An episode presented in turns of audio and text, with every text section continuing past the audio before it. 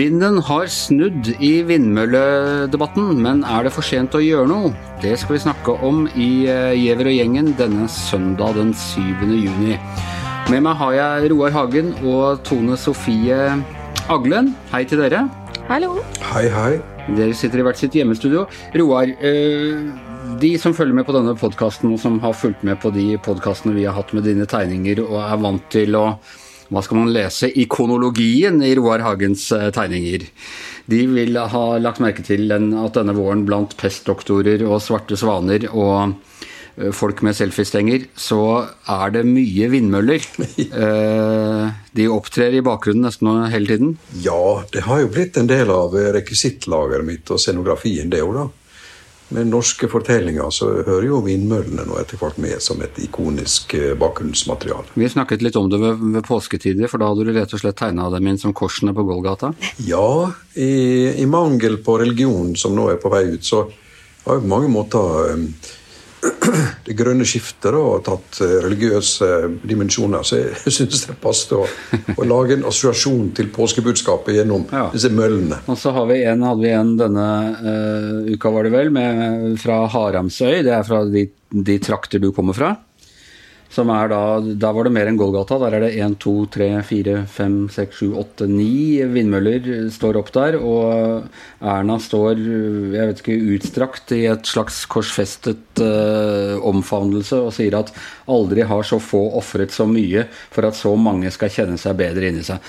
Har jeg rett hvis jeg tenker at du er litt skeptisk til vindkraft? Jeg er jo ikke skeptisk til vindkraft som, som sådan i det hele tatt. Det er jo innretningen på det, og hvem som skal betale for denne visjonen. da. Og eh, Jeg har ingen interesse eller eh, bekjentskap på Haramsøya i det hele tatt. Men det er rettferdighetsgenet mitt som, som slår ut. tenker Dette går ikke an. En, en lita øy med et fjell i midten, og der setter du 850 meter høye vindturbiner på toppen. Så skal alle være glade, og vi har gjennomført det grønne skiftet. Eh, og de som har bestemt det, sitter på lang avstand og, og, kjenner ikke dette på kroppen i det hele tatt. Så det var en veldig klar sak for meg. Ja. Hvem er det som har bestemt det? Det er noe utgangspunktet eh, storting og regjering som har bestemt at de skulle satse på dette og gi spesielle fordeler osv. Så, videre. så har jo da naturligvis kommunestyret i det gamle Haram, som ikke må forveksles med det muslimske Haram, i tidenes morgen, og sikkert mange av de er sikkert døde nå, eh, og ute av politikken, vedtatt dette på 2000-tallet, eh, hvor det var begeistring rundt vinder vind og, og fornybar osv. Og, og så har tida gått, og så har prosjektet fått andre dimensjoner osv. Det har oppstått en veldig krise, tillitskrise mellom de lokale og Eh, utbygger. Ja, eh, Tone Sofie, eh, du er den som kjenner norsk lokalpolitikk best av alle oss på, på kommentaravdelingen. Har jobbet politisk på, på lokalplan forskjellige steder. Er dette nok et, nok et, eksempel på at vi inne i Oslo-bobla overkjører distriktene med våre planer som ikke går utover, som ikke berører oss? Og, ja, hvor vi bare rett og slett overkjører lokaldemokratiet? Nei, Der er jeg faktisk ganske uenig med Roar. og Jeg kan jo avsløre at vi har hatt ganske lange morgensmøter hver dag i vekka fordi vindkraft har kommet opp som et tema. Og, og det jeg i hvert fall har sett, er jo at uh, når uh, kommunene har vedtatt de vindkraftplanene, så har det vært Eh, stor begeistring og vært eh, særdeles få motstemmer. Det har vært en og annen, men, men, det gjelder ikke bare vindkraft. Det gjelder ganske mye på sånn eh, utbygging i, i kanskje særlig distriktskommuner. At det har vært en sånn veldig sånn positiv holdning til at uh, her skal det bygges ut, det er bra for næringslivet. Og, og de som særlig har snakka for sånn miljøinteresser og en hubro eller uh, en froskedam eller sånn, har ofte blitt litt sånn latterliggjort uh, tradisjonelt. Og, og, ganske lenge så var det jo sånn veldig bredt politisk, både i fylkene, i kommunene, også i rikspolitikken selvfølgelig, at vindkraft er bra, det er det vi skal leve av etter oljen. Det har nærmest vært et sånn kappløp om å om å få det, så er det noe som har skjedd eh, de siste årene som har gjort at det har blitt en eh, veldig sånn tydelig holdningsendring. Og så har jo man delvis rett til det at, eh, at det har gått ganske mange år før planene har blitt blitt uh, vedtatt til man har begynt å bygge, og det har skjedd mye på teknologiutvikling. Så de, de vindmøllene som i dag settes opp, er mye mye større enn en det som var tegninga, og det vi liksom kanskje tradisjonelt har tenkt på som vindmøller. Men på den annen side så tar det også mye mindre plass. Ja, Roar, altså så lenge jeg har kjent deg, du har ikke akkurat vært motstander av verdiskapning i distriktene, og, og vel kanskje også av og til latterliggjort litt når vi vi i Oslo sitter og liksom er opptatt av at det skal ikke bygge ut i Lofoten eller eh, eller whatever, at vi da ikke skjønner hvordan man skaper næring rundt omkring i, i distriktene og opprettholder arbeidsplasser og sånn. Altså, jeg er jo veldig positiv til næringsutvikling og verdiskapning, selvfølgelig. Hvis, hvis, det bare var verdiskapning. Dette er jo ikke noe som noen tjener penger på, annet enn utbyggerne og eh, kommunene får litt små penger til en svømmehall og litt sånne ting. men det er jo et subsidiert prosjekt, da.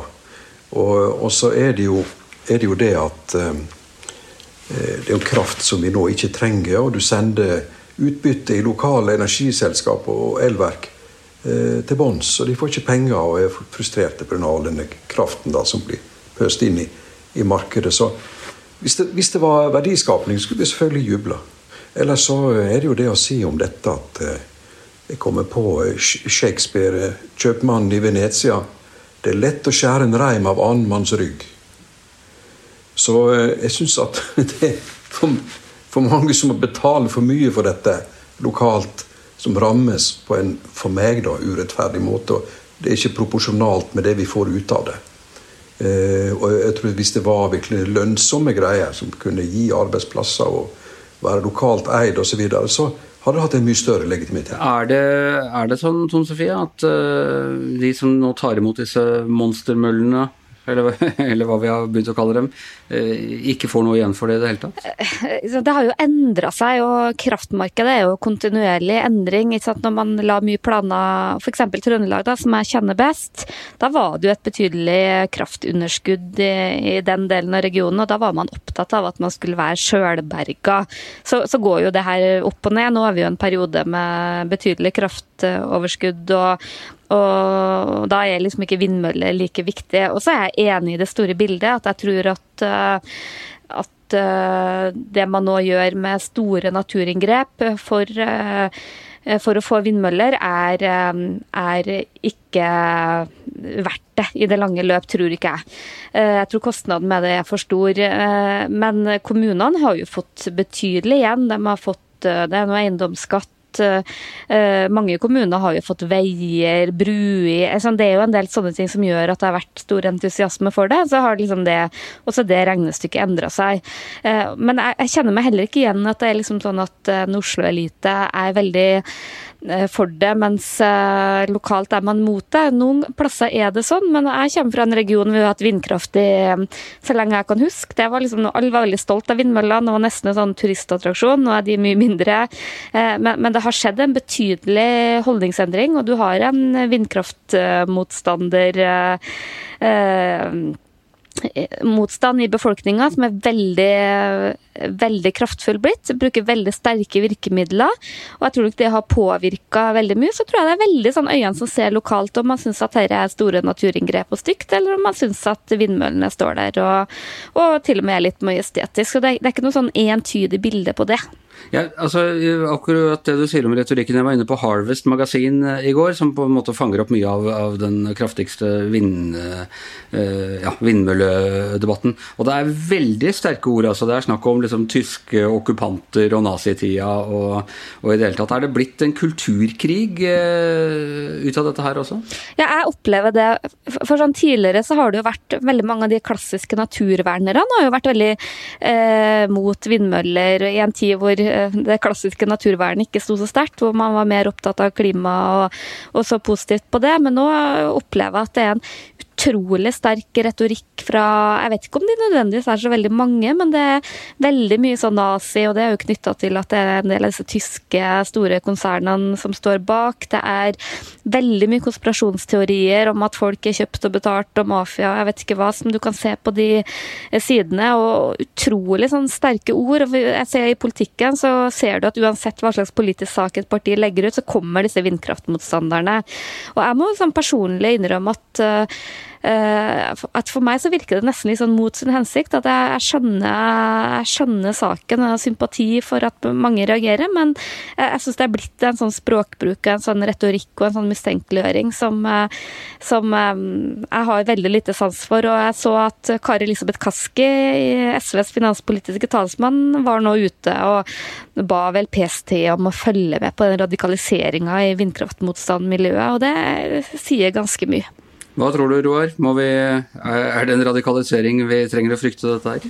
Nei, det, du kan jo si at det, sånn som tida er nå med polarisering, så kan du jo nesten radikaliseres i alle saker, egentlig, og prosjisere inn andre ting osv. Men for meg som gammel miljøvenner, så, så er jeg opptatt av at eh, miljøsaken må ikke komme i miskreditt.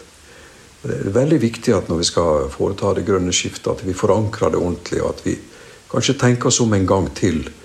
Eh, at vi, eh, at vi eh, legitimerer i befolkningen at, at, vi kan, at vi kan sannsynliggjøre at det inngrepet vi skal gjøre her, er verdt det.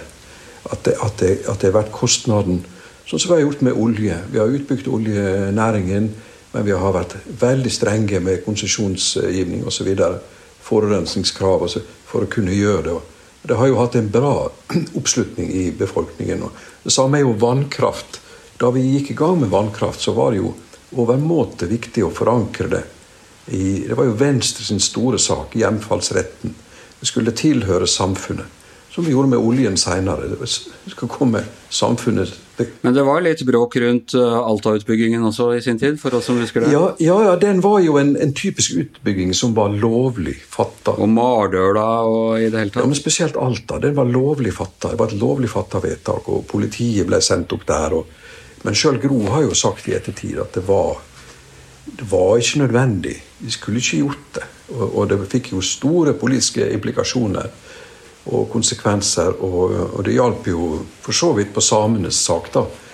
Men, men, i ettertid så hadde vi selvfølgelig ikke bygd ut Altavassdraget, Norges flotteste lakseelv. Så det er liksom eh, I Norge så har vi hatt en bra tradisjon for å begrunne de naturinngrepene vi må gjøre. Og Vi lever jo av naturen, og vi skal forvalte naturen. og Da må det være fornuftig innretta. Vindkraften den, den er ikke helt på plass. Eh, og, altfor mange føler seg overkjørt og, og eh, urettferdig behandla. Det er min oppfatning. La meg si det sånn. På Sunnmøre, som jeg kjenner best, så hvis det gagner lommeboka, så hadde motstanden vært langt mindre. Men det gagner ikke engang lommeboka. vet du. Jo, men det er jo fordi vi er i en situasjon med betydelig kraftoverskudd og lave strømpriser. Hadde det vært sett annerledes ut, så ville jeg kanskje tro at vi har tenkt annerledes om det. Det forandrer seg. Det kan forandre seg, men i øyeblikket så, så ligger det litt tynt an, da, for å si det sånn. Så får vi nå se hvordan dette går. Ok, men om det er litt uenighet mellom uh, dere to når det gjelder uh, uh, vindkraft, eller i hvert fall vindmøllene, så, så, er det ikke verre enn at dere har samarbeidet om å gi en liten teaser på, på morgendagens kommentar og tegning på side to og tre i VG. Dere har Eh, vært på Stiklestad, hvor det er en annen type eh, norsk eh, kulturkonflikt på gang, Tone Sofie? Ja, vi får jo stadig høre av Roar at vi bryr oss for litt om vårt eget land, så jeg prøver jo å følge litt med hva som skjer. og i hvert fall i gamle Nord-Trøndelag er det én ting det snakkes mye og, og krangles om, og det er eh, utviklinga av Stiklestad, som nå jobber og fram mot det her tusenårsjubileet i 2030. Det høres jo ut som eh, en evighet til, men det er jo faktisk ikke det. Og nå er det altså stor krangel om eh, utviklinga av Stiklestad mellom partier, mellom gamle Nord- og Sør-Trøndelag. Og det er, det er, en konflikt som har eh, veldig mange dimensjoner, og, og, til og med kraft i seg til å, til å velte noen politiske flertall.